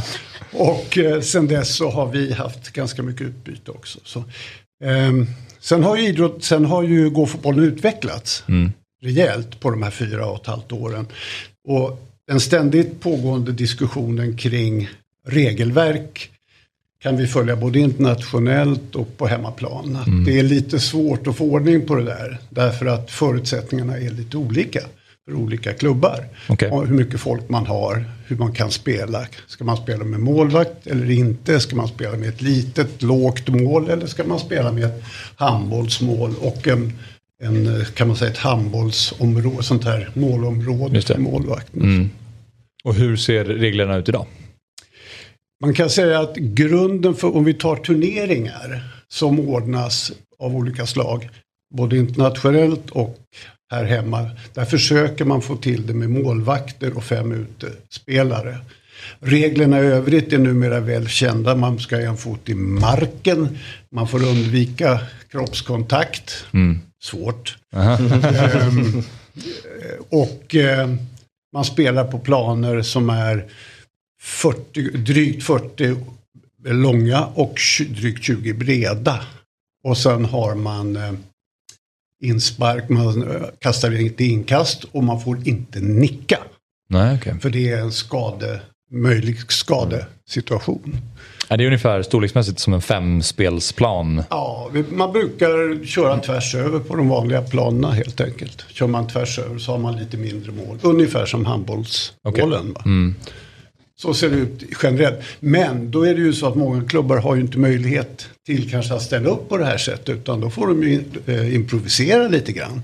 Och så kanske man kör dem med sådana här små mål. Eller med det som man gör på Mallorca. Där vi för övrigt har varit och spelat internationell turnering. Där är målen tre meter breda och en meter höga. Vilket också betyder att man får inte skjuta högre heller. Men stoppar in en målvakt och spelar med målvakt då får du skjuta som ribbhöjd. Men du får fortfarande inte nicka. Ah, okej. okej. Hur, men hur, ni har spelat turnering där nere, hur bra är Enskede eh, i relation Ja, alltså, till... det var ju så att vi blev också upphöjda, det här var 2019. Och då var ju det här i sin linda i Sverige. Så vi, vi sa att vi skulle åka till Mallorca och det nådde då eh, andra som höll på, hade bör- börjat lite tidigare. Och då sa men då får ni vara landslag. Så vi fick vara nej, det var inte riktigt så. Vi, vi skulle ha svenska landslagströjor på oss. Det var Okej. Men vi sa inte att vi var landslag, utan vi åkte dit och spelade och vi var i Enskede. Men vi... Men med svenska oss- tröjor? Med svenska landslagströjor på. Okej. Kändes lite fånigt om jag ska men Okej, show must go on. Ehm, och ehm, vi klarade oss bra. Ja. Vi klarade oss jättebra. Vi torskade bara mot segrarna med 4-1. I övrigt spelade vi jämt 1-1, 1-0, 1-2, 0-0 och så vidare. Så att vi redan där då efter ett års gåfotboll i Sverige så klarade vi oss alltså utmärkt. Från mot engelska, no, engelska, nederländska och belgiska lag. Okej, spännande. Ja. vi återkommer till det. Jag tänkte bara presentera dig också Marie-Louise. Eh, välkommen hit. Tack. Eh, hur kommer det sig att du började jobba med, med gåfotboll? Hur att jag började jobba? Eh, Jag ansvarar för motionsfotbollen på Svenska Fotbollförbundet och där är gåfotboll en av våra tre områden som vi jobbar med. Och jag tänkte på det, Rod sa att ni började 2018 i Stockholm. Det fanns ett gäng som började 2016 som de är väldigt noga med att påpeka. Det är Borens IK i Östergötland som hävdar att de var först med Ah, okej. i Sverige. Ja. Det är inte säkert men vi tror att de kan ha varit det. Ja, just det. Jag förstår. En fråga, alltså, hur mycket är det klubbdrivet med eh, gåfotboll och hur mycket är det organisationsdrivet? Alltså att ni på Svenska Fotbollsförbundet driver på gåfotboll och hur mycket är det från liksom, klubbarna som driver på det? 2018 när vi började eh, med gåfotboll på Svenska Fotbollförbundet så var det att det kom underifrån. Vi märkte att det var ganska många klubbar som började jobba med det här så vi hakade på. Eh, sen har vi fått en del förfrågan att komma ut och stötta i uppstartfasen. Hur håller man den här första gåfotbollsträningen? Hur går det till? Så där har vi precis anställt eh, 17 stycken gåfotbollsambassadörer Okej. som är utspridda över landet. Där Rod är en av dem som kommer ut i föreningar som vill starta upp och hjälper dem att hålla en första träning. Ja. Så vi mer uppmuntrar och stöttar än trycker ner. Men som jag har förstått det så är det många äldre som spelar gåfotboll. Alltså vilka finns det så att liksom, ungdomar som också spelar gåfotboll eller hur ser det ut i åldrarna? Vi har valt att rikta oss mot 60 plus just nu Mm. på Svenska Fotbollförbundet och få igång det i föreningarna. Men vi vet att det finns eh, 40 plus och uppåt. Jag vet inte hur det ser ut hos er Rod. Alltså, 50 plus, 60 plus, 70 plus finns i, alltså i världen om man säger så. Eh, och i Sverige också. Och, eh, men du säger 60 plus riktar ni in er på men i vissa turneringar så har man även 50 plus. Men det brukar vara svårare att få ihop 50 plus. Eftersom de flesta som kommer och spelar gåfotboll de är 60 plus. Mm. Eller 70 plus. Mm. Så att eh, av naturliga skäl så blir det mest 60 plus och 70 plus. Sen försöker de smyga in oss 65-årsgräns här också, vilket jag inte fattar alls. Det fanns väl ingen anledning. Okej. Okej, men det, det kommer väl utifrån tror jag. Men fördelen med det tänker jag att då kan man träna på dagtid. Eh, Och då står planerna ofta tomma så att det är väldigt smidigt. Så många går fotbollsgäng tränar dagtid och då blir det också naturligt att det är 60-plussarna som kommer och, och kör. Ja. Ja, just det. Men eh, det känns som ett väldigt bra sätt för äldre att aktivera sig såklart och att träffa andra. Är det det som skulle säga är det viktigaste med GoFotbollen? Att det är den känslan för att, att, att gemenskapen kring det och att motionera eller vad, vad tänker ni? Jag brukar säga att det, i början så skilde det sig inte speciellt mycket ifrån den tidiga fotbollen, fotbollen i ens liv där man gick till parken och spelade och delade upp lag. Och eh, ibland beter sig eh, de här spelarna som har uppnått då värdig ålder av 60 eller 70 ungefär som tioåringarna gjorde. och så säger att de inte vill spela i samma lag som den och den. Eh, men som helhet så är det ju så att, att det är en totalupplevelse skulle jag kalla det för. Det är en social samvaro, det är fika efter, det är, men det är blodigt allvar på plan. Absolut, därför att det man har med sig, eftersom på här sidan så är vi alla, i åtminstone Enskede, tidigare spelare. Ja. Vilket betyder att vi har lite fotboll med oss. Sen har vi ju glömt rätt mycket tyvärr. Men mycket finns kvar. Medan på damsidan, damer är mycket mer vågade och, och så. De går dit fast och spelar fast de inte har spelat fotboll överhuvudtaget. Och det blir ju lite annorlunda då. Så det blir lite allvarligare hos oss. Men jag skulle säga att man ser vinnarskallar både hos damer och herrar som gärna vill vara med där det är liksom bästa laget och gärna vinna turneringen och så vidare. Så man måste vara bra rent tekniskt också så att man, i och med att man måste gå efter bollen, om man, om man tar en lite för lång touch, då är man ju van vid att kunna springa ikapp den. Men, och, så att det, jag förstår att det ändå måste premiera att ha bollen nära kroppen och vara bra rent tekniskt. Vi, har, vi ser ju de, de tekniska spelarna, de har säkert varit precis lika tekniska eller ännu mer tekniska när de var aktiva. Eh, det följer med. Det sitter i, vi har ett antal eh, trollgubbar som är fortfarande är duktiga med bollen. Alltså. Det är nästan förvånansvärt duktiga skulle jag säga. Tyvärr hör jag inte dit själv. Men hur ser liksom framtidsprofetian ut? Tror ni kommer det bli att man kommer bygga gå-fotbollsplaner eller kommer det vara att man spelar på Ja, de där fotbollsplanerna? Befintliga planer tänker jag. Ja. Våra tre spelformer som vi pratar om framåt nu för att det är ju liksom inte en homogen målgrupp Nej. går fotbollen. Alla vill lite olika. Så vi kommer Mm. spela fyra mot fyra och då är det på en halv fem mot fem plan och med tre mot tre mål. Mm. Vi kommer spela den form som man har spelat hittills med sex mot sex utan målvakt. Och då är det på en fem mot fem plan. Och sen kommer vi också ta in den här internationella formen som då är sex mot sex med målvakt. Eh, Och då får bollen, i vårt regelverk har den bara fått gå en meter men det internationella får gå två meter. Så den tredje spelformen kommer då tillåta att bollen går högre. Ja, okej.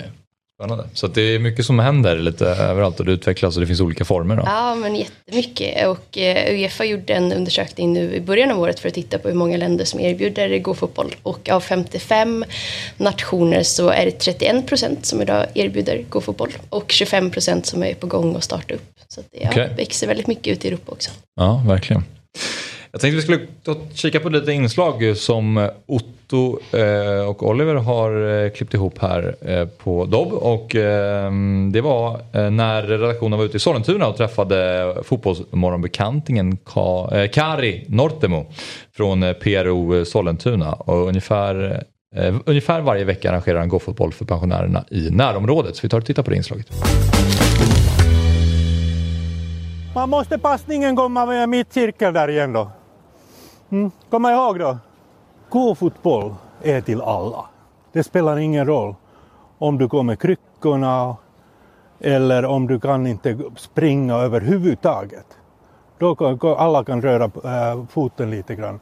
Och därför att bollen får inte gå över knähöjd och du får absolut inte springa. Ingen får springa på planet Och det finns ingen målvakter heller.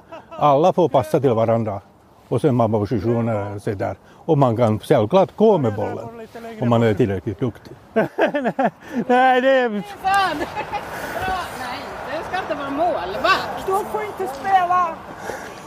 Du är bara på Jag såg inför här att det, det finns ett, ett landslag i gåfotboll också. Det blir en, en, sport som blir större och större. Tror du att du har några framtida kanske landslagsspelare bland din grupp som är spelar? Nej, vi vill inte ens komma dit, vet du. tyvärr. tyvärr att vi håller oss på den här nivån och att alla ska få röra sig. Och det här är till hälsa och balansen, vet du, det som är viktigt på den här åldern just. Det är just att de var plus 65 just som har blivit och kanske avslutat sin idrottskarriär eller någonting annat. Det är perfekt till dem. Men vi ska hålla på den här andra som håller det sysselsatta. Men fotbollen är samma nämn, nämn, eller nämnare, vet just att fotbollen som enar sig. Eh, Rod, har du stött på Kari någonting i gåfotbollkretsarna? Nej, det har jag faktiskt inte gjort. Nej.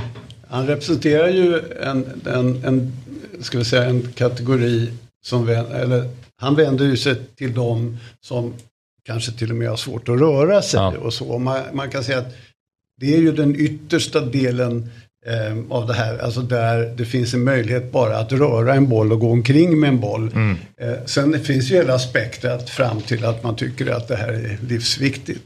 Mm. Och att man har de, eh, ska vi säga, den kapaciteten att spela fotboll på ett annat sätt.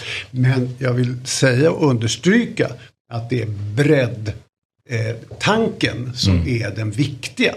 Det andra som kommer då, och då, dit hör ju det här som vi såg i inslaget då och hörde. Eh, Medan däremot eh, den andra elitsatsningen, så att säga, den, den, den sker vid sidan om på något sätt. Vi, mm. Det är klubbarna och klubbarnas verksamhet, att använda planer på dagtid, att alla är välkomna. Och där är grundtanken och det ska det fortsätta att vara. Sen kan allting utvecklas på olika sätt men den får man inte röra. Mm. Och i Enskede, vi har ju något som heter Enskede-modellen som också det passar väldigt bra in. Och det är kanske därför som att det var Helena Nordlöf som är, eh, jobbar på kansliet som såg det här på Mallorca vid en futsalturnering att det fanns några som spelade gåfotboll. Det här var då 2017.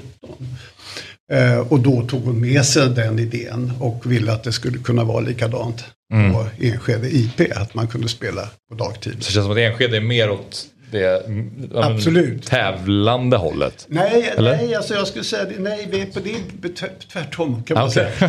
bredd, det är bredd. Ja. Enskede är bredden. Enskede-modellen betyder i stort sett det. Ja. Men det betyder inte att det inte ska finnas eh, de som är duktiga ska få spela i bra omgivning. Ah, okay. mm. Det är detsamma och mm. det tycker vi att det kan fungera likadant i gåfotbollen. Men vi måste ha jäv, vakta på oss mm. så att vi inte hamnar i någon märklig situation där vi elitsatsar istället för att breddsatsa. Det. Just det. Mm. det är viktigt. Jag förstår. Men eh, Marie-Louise, det känns ju som att det finns en väldigt stor värme kring gåfotbollen. Eh, hur är det att jobba med, med det? Men det är fantastiskt. Jag tycker det är jätte, jättehärligt och speciellt nu när jag har sällskap med mina 17 ambassadörer så, så ger det väldigt mycket energi tycker jag. Eh, ja. Så det är, och det är ingen förening som säger så här, nej det här var tråkigt att göra utan många är ju lyriska som har startat igång det här och ser ju också positiva effekter i form av ideella krafter som kommer in till föreningen och vi vet ju några som har startat igång parafotbollslag åt föreningen. Vi ser några som kommer in i styrelsen. Ni har lite kafévärdar, det kommer publikvärdar. Mm. Så det ger föreningen väldigt mycket eh, utöver att liksom göra en, en bra sak. Mm. Och eh, om, vi, om det är så att vi har några lyssnare eller tittare som eh, tänker att det här skulle kunna passa en själva eller ens föräldrar eller så. Hur, hur tänker du att man går tillväga för att, för att göra då? För att få den personen in i ett, i ett lag? Då ska jag säga, gå in på svenskfotboll.se slash gafotboll. Mm. Eh, och där finns kontaktuppgifter till alla ambassadörer men också till våra distrikt som man kan höra av sig och fråga eller kontakta mig. Så brukar vi försöka slussa vidare. Vi var på Älvsjömässan för två, tre veckor sedan och hade gå fotboll på seniormässan där man kunde droppa in i sargen och eh, testa på vilket var supercoolt och det var många som gjorde det. Det Så, så det har liksom kommit jätte... Och då fick vi dela ut hela tiden kontaktuppgifter till föreningar dit man kunde vända sig för att börja spela. Och som vanligt var det damer som prövade mest. Ja. Orädda. Märkligt. Ja, Så var det. ja. Men eh, bara så att jag förstår det rätt, hur är det uppbyggt? Finns det ett seriesystem eh, som ni spelar i eller hur, hur ser det ut när man möter ett annat lag? Det, det finns ju landslag i GoFotboll. De ligger Ja. inte under Svenska Fotbollförbundet utan de ligger under en egen organisation som heter Sverige Walking Fotboll. Eh, Mm. Så de har landslagsbiten och vi har valt att invänta Uefa eller Fifa innan vi eh, har landslag i GoFotboll. Eh, och eh, däremot så tittar vi på tävlingsstrukturen för forskning visar att GoFotboll ger lycka och, och välmående. Det är medelintensiv träning, det är klockrent. Men det vad grupperna saknar är tävlingsbiten. Så därför håller vi på att titta på nu regionala eh, i kuppformat till att börja med. Och inte liksom seriespela en gång i veckan utan samlas eh, och spela flera matcher på en dag. Ja. Vi ser ju ambitionen hos exempelvis Stockholms fotbollförbund är ju att försöka hålla några turneringar varje år. Egentligen skulle de ha fyra i år men det blev bara två. Men de kanske blir bättre sig till nästa år. Men, men det är ju turneringar som de arrangerar och eh, så, längre så kommer vi inte än så länge förutom det här internationella utbytet som finns då, eller att man kan åka som lag, förening till olika turneringar. Vi har ju exempelvis varit även landslag ifrån Enskede i Norge eh, för, i höstas. Och ehm, då var vi faktiskt landslag på riktigt. Inte bara de där, vi hade inte bara tröjorna på, vi var faktiskt utsedda till det också. Ja. Ehm, men, så du är landslagsman? Eh, ja, eh, det kan man väl säga, men jag förtjänar nog inte riktigt den platsen. Jag var mer coach Okej. eh, under den eh, sessionen där. Och, men vi mötte, fick ju då möta ett norskt lag som aldrig hade spelat god fotboll men de hade spelat veteranfotboll till två veckor innan turneringen. Och det var ju gubbar i runt 60. Så det var ju en helt annan, de var ju mycket mer fit. så Ah, att säga. okej. De hade ju inte gjort något uppehåll med sin fotboll. Medan vi, må- många av oss har haft uppehåll i 20-30 år innan vi helt plötsligt kommer tillbaka till fotbollsplanen. Så Mm. det var lite skillnad. Ja men eh, vad härligt låter och eh, kul att det expanderar och eh, växer. Ehm, Rod Bengtsson och eh, Marie-Louise Dahlberg, eh, stort tack för att ni kom hit. Tack. Och Kul lycka, till. Tack. framöver med golfbollen. Tack så mycket. On this day, det här datumet, 2007. Du vet vad som hände? Ja. Ja. Mm. Eh, Förra veckan hade vi ju nämligen, vi har ju vårt eh, On this day segment i eh, Fotbollsmorgon på fredagar. Vad hände det här datumet för ett antal år sedan? Och eh, förra fredagen då eh, så var det ju år 2001 som Bayern vann sitt SM-guld när de vann hemma mot Örgryte. Då hade vi Jompa här, Bayern Jompa i studion och så ringde vi upp Kennedy Bakircioglu och så ringde vi upp Sören Kratz för de som inte har lyssnat på det eller sett det. Gå in och gör Nej, det var faktiskt ett, eh, trots eh, mitt supporterskap till Djurgården så tycker Ja. jag faktiskt att det var ett fantastiskt avsnitt. Apropå Det var- värme va- ja. kring gåfotbollen så var det ju ett väldigt varmt avsnitt. Ja, men det var, det var, det var, det var fint. Mm. Det var fint att höra Kratz eh, prata och eh, ja, man, man, man, man kunde känna den, den värmen och de känslorna som dessa minnen eh, finns i honom. Så det var, det var Ja, och då är det ju så här att den 28 oktober, vilket är idag, fast år 2007 då, då säkrade IFK Göteborg sitt 18 och senaste SM-guld när man besegrade Trelleborg med 2-0 på Eh, då var det ju Ullevi då. Eh, första guldet sedan 1996. Målskyttarna i matchen var Thomas Olsson och Pontus Wernblom. Eh, och de vann en poäng före Kalmar det året. Tre poäng för eh, Djurgården. Och Marcus Berg vann skytteligan på 14 mål. Så det var en... Trots att han gjorde en halv säsong. Trots att han gjorde en halv säsong. Han var ju fenomenal det året. Det var verkligen en, en bra säsong eh, för eh, Blåvitt på alla håll och kanter. Och vi har försökt vi vill ju på något sätt nästan rekonstruera avsnittet även om det är svårt att göra från förra veckan med Bayern Så vi har verkligen kämpat för att eh, få tag i, eller vi har, vi har fått tag på lite olika röster men det är ingen som har riktigt kunnat. Ja. Otto gjorde ett eh, och- gediget försök. Han har frågat nästan hela truppen. och Jajamensan. tränarstaben. Eh, Men eh, ja, tyvärr. Det var ju ett väldigt fascinerande, eller ett, ett härligt lag. Mm. Och med, jag menar Pontus Wernbloom, Jakob Johansson, de här var ju unga då och kom upp. Sen hade de ju några äldre, menar Bengan Andersson, Niklas Alexandersson, eh, Jonas Wallerstedt, Hjalmar Jonsson. Det var, ett, det, var ett, här- det var en härlig mix av spelare. Nämnde du Ranegi och Hysén? Ranegi var ju där ja, just det. Mm. Han spelade väl knappt. Nej, kanske inte gjorde. Men, Hysén kom ju där under sommaren. Eh, Jag kommer ihåg den här säsongen väldigt starkt faktiskt. Jag vet inte varför men det... Du har ju också ett otroligt minne så du kommer ihåg alla säsonger ganska väl. det. Men just där 2006 och 2008 kommer jag inte ihåg lika bra. Liksom. Nej. Jag vet inte, det var väl kanske bara det året där man börjar, då var jag 12, kanske var det året man börjar liksom förstå sig på mer Mm. hur stort fotboll är och liksom det här med supporterskap och all- allting. Och jag minns, jag minns 2007-säsongen med, med värme trots att... Nej, det var som du säger, framförallt så är det ju ett otroligt profilstarkt lag. Ja. Eh, och Bengan Andersson var ju 41 då. Mm. Och eh, höll eh, nollan 13 gånger under säsongen. Ja. Och då var det också färre matcher, det var bara 26 matcher. Ja just det, just det. Det här var sista säsongen med 26 matcher. Ja. Ja, precis. 2008 så utökades allsvenskan till eh, 16 lag. Och en liten nugget var ju också Andres Vasquez. Rabona-mål. Så- Är, det- är det snyggt? Nej, det var, det var inte det jag skulle säga. Jag skulle Nej, bara nej, säga att det nej. var den säsongen. Men, Jo, jo, jo. Precis, men Ja. är det ett inlägg? Ja men det spelar ingen roll tycker jag. Okej. Jag tycker att det är ganska relevant. Men du var ju på hal is, du listade ju överskattade mål och underskattade mål. Så jag tänkte så här, vad, hur ser du på det där målet? Nej men det återigen, jag landar ju ofta i att det, det jag är mer nyfiken på vad, man, vad ambitionen är att göra i aktionen och sen om, man, om, man efter, om det efterföljs. Mm. Och om det är ett inlägg då tycker jag inte att det blir så här snyggt. Nej, nej, kanske inte. Jag, alltså, jag tycker att det är snyggt med tanke på att jag, om jag försöker på med Rabona så går bollen två meter framåt. Sen rullar den inte längre. Jag kan ju varken få upp bollen eller få den. Det, det, det kan jag hålla med om. Jag kan ju nog göra Rabona bättre än dig låter Ja. det som. Men att göra det så pass långt det, det är ju starkt och uppenbarligen bra tekniskt. Och han drog ju till Zürich efter det. Och det var ju det målet som gjorde att han drog. Ja. Det var ju enbart det, för han var ju inte bra. Han fick en rejäl Eller bra, han var ju, men det var ingen toppspelare i allsvenskan. Mm.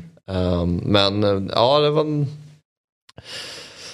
häftigt lag faktiskt Göteborg som hade. Bergkrut gjorde debut i året, var ju 15 år. Men är fortfarande den yngsta spelaren som debuterat Han är väl det, fortfarande Ja, yngsta någonsin. Så att nej, det var eh, ett eh, speciellt år och det, vi hade ju som sagt tänkt att kanske eh, ägna lite mer tid åt det idag. Men det fick det bli en liten notis i alla fall om att exakt eh, idag fast år 2007 då. Det är bara accepterat. Så man Blåvitt sitt senaste SM-guld. Stefan Rehn och så här ska ha sin paddelsemester i Spanien och sådär. Det, är- det får man acceptera ibland. Fotbollsmålen är inte alltid i första prioritet. Vi har ju faktiskt Gustav Svensson, Sebastian Eriksson och Bjärsmyr. Ja, De- just de det. är ju Blåvitt idag. Ja, ja men, ja, Så men det är ändå ett ja, gäng. ja, ja, Och Marcus Berg Marcus eh, såklart. Och sen har Wernbloom. vi eh, Wernbloom som inte är eh, aktiv längre men som eh, kom hem till klubben och sådär också. Alexandersson där på ålderns höst. Mm. Så att det finns några guldhjältar kvar som håller igång och de är kvar i Blåvitt. Ja, Fabbe. Ja. Det vart väl trevligt det här? Ja, vad grymt. Mm. Det var roligt. Jag tycker att Det du, var- du gjorde en helt okej insats. Ja. Det går sakta men säkert framåt. Ja. Du var helgjuten som vanligt. ja, precis. Man försöker hålla sig där, Ja. den klassiska nivån. Jag, jag Du pendlar inte, ju sällan. jag vill inte upp och toucha högre. Nej. Jag, jag har inte det i mig. Nej, det är, det är bara att slänga in dig. Du gör det. Men eh, du har ju en höjd i dig. Fick, vi, vi, vi fick inte se den idag. Nej. den finns där. Det är, det är, en, det är en bottennivå också. Som... Nej, men det bästa tycker jag ändå med eller det var mycket fint idag. Det var trevligt att prata eh, gå-fotboll. Det var ju trevligt för dig förmodligen att höra om Anders Norléns Ja. eh, dragning att eh, Djurgården har massa pengar. Gais var bra. Gais uppskattar jag så att det, det är mycket fint. Men jag tänkte bara säga att jag gillar ju framförallt den storyn om när du går och röstar. Mm. Och du dessutom, som vi fick reda på idag då, inte bara ha, har en blank röst utan du också skriver blankt på den blanka rösten för att du är osäker på om den blanka rösten kommer uppfattas som blank. Någonstans kan jag tycka att man kanske skulle få liksom en alltså, introduktion hur man gör. Hur man röstar? Ja. Nej, men, men det är inte som vanligt att du hade de här valsedlarna. Så nu var det ju en blank röst från början. Tumba hade en bra information. Video inför valet. Okej. Ja, Motumba hade en bra Men inte informationsvideo inför valet säger Otto här. Hur man, hur man går och röstar. Men inte kanske i jag. Australien. hur man röstar i Australien? Ja. Nej, det... Det- Sociala medier, så du hade kunnat se det. Ja. Ja. Nej, men, men alltså, i Australien. Motumba var inte inne på hur man röstar i Australien. Nej. Det var väl mer hur man röstar här hemma. Vi hoppas att rösten kom fram. Ja, eh, det gör vi faktiskt. Som sagt, även om det inte påverkar så mycket. Nej, men Fabbe, vi ska avsluta för, eh, för dagen och Ja. för veckan faktiskt. Eh, Men det var kul att prata med dig och du, nu är du hemma igen. Så jag hoppas att vi sitter här flera fredagar framöver. Ja, men det, det ska vi vara genomför, det ska vi vara genomförbart. Mm. Kanske Så höjer vi ribban lite. Kanske precis, kanske att du kan gå upp och nosa på någon form av 3 plus nivå. men det, det, kan- vi kan inte lova något. Nej. Nej, men jag ska upp på fem. Du ska ju hålla dig på tre. Ja, nej, men, ja precis, okej. Någon gång ska du toucha på fem. Nu ska vi stänga Fotbollsmorgon-veckan ehm, och påminna återigen om att ehm, det är Eurotalk Weekend imorgon klockan nio. Eh, titta gärna på det, vi sänder det på YouTube, Dobb-TV och Twitch. Då kommer vi prata mer om den europeiska eh, toppfotbollen. Mindre svensk fotboll där, det kan eh, dyka upp också. Men Ja, men det är ju, för mig, jag gillar det. Dels för att ni är för okunniga inom allsvenskan och att då får man lite, då får man, kan man följa vad som händer i internationell fotboll. Eh, och det tycker jag är bra, då får man, man får matnyttig information från varje liga. Du gör research genom att kolla på det. ja, precis. Ja, kanon. Så är det, men annars så är Fotbollsmorgon eh, tillbaka igen nästa måndag såklart, eller nu på måndag 07.00 och eh, ni kan höra på det eller lyssna, eller ni kan, ni kan lyssna på det eller se det på YouTube, det är det jag ska säga. Det börjar klockan sju. Eh, nu säger vi tack för idag och trevlig helg. Fotbollsmorgon presenteras i samarbete med Telia. Samla sporten med alla matcher från Uefa Champions League, Allsvenskan, Superettan och SHL i ett paket. ATG. Odds på Premier League, Allsvenskan och all världens fotboll.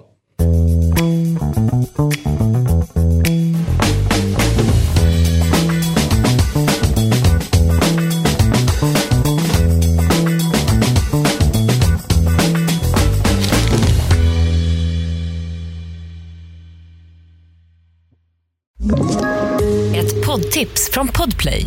I fallen jag aldrig glömmer djupdyker Hasse Aro i arbetet bakom några av Sveriges mest uppseendeväckande brottsutredningar.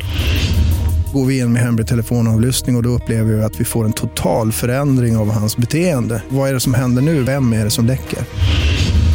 Och så säger han att jag är kriminell, jag har varit kriminell i hela mitt liv men att mörda ett barn, där går min gräns. Nya säsongen av Fallen jag aldrig glömmer på Podplay.